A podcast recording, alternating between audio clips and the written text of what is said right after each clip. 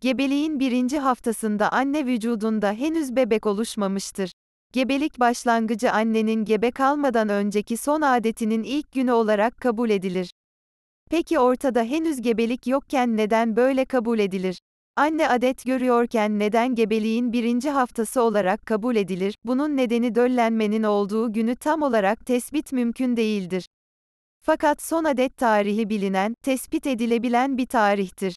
Onun için gebelik hesaplanırken en son görülen adetin birinci günü gebeliğin başlangıcı kabul edilir ve bu tarihten itibaren gebelik 40 haftadır.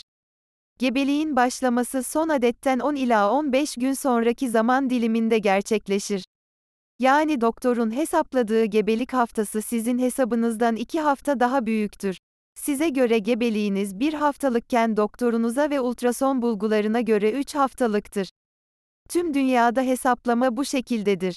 Annede adet sürecinde olması muhtemel bir gebelik için yumurtlama hazırlıkları başlar, bebek olmadığı için bebekte bir değişim söz konusu değil.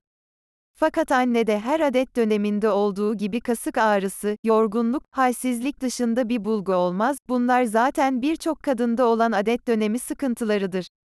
Bu haftada kanda yapılan gebelik testleri de sonuç vermez. Çünkü gebelik henüz oluşmadı.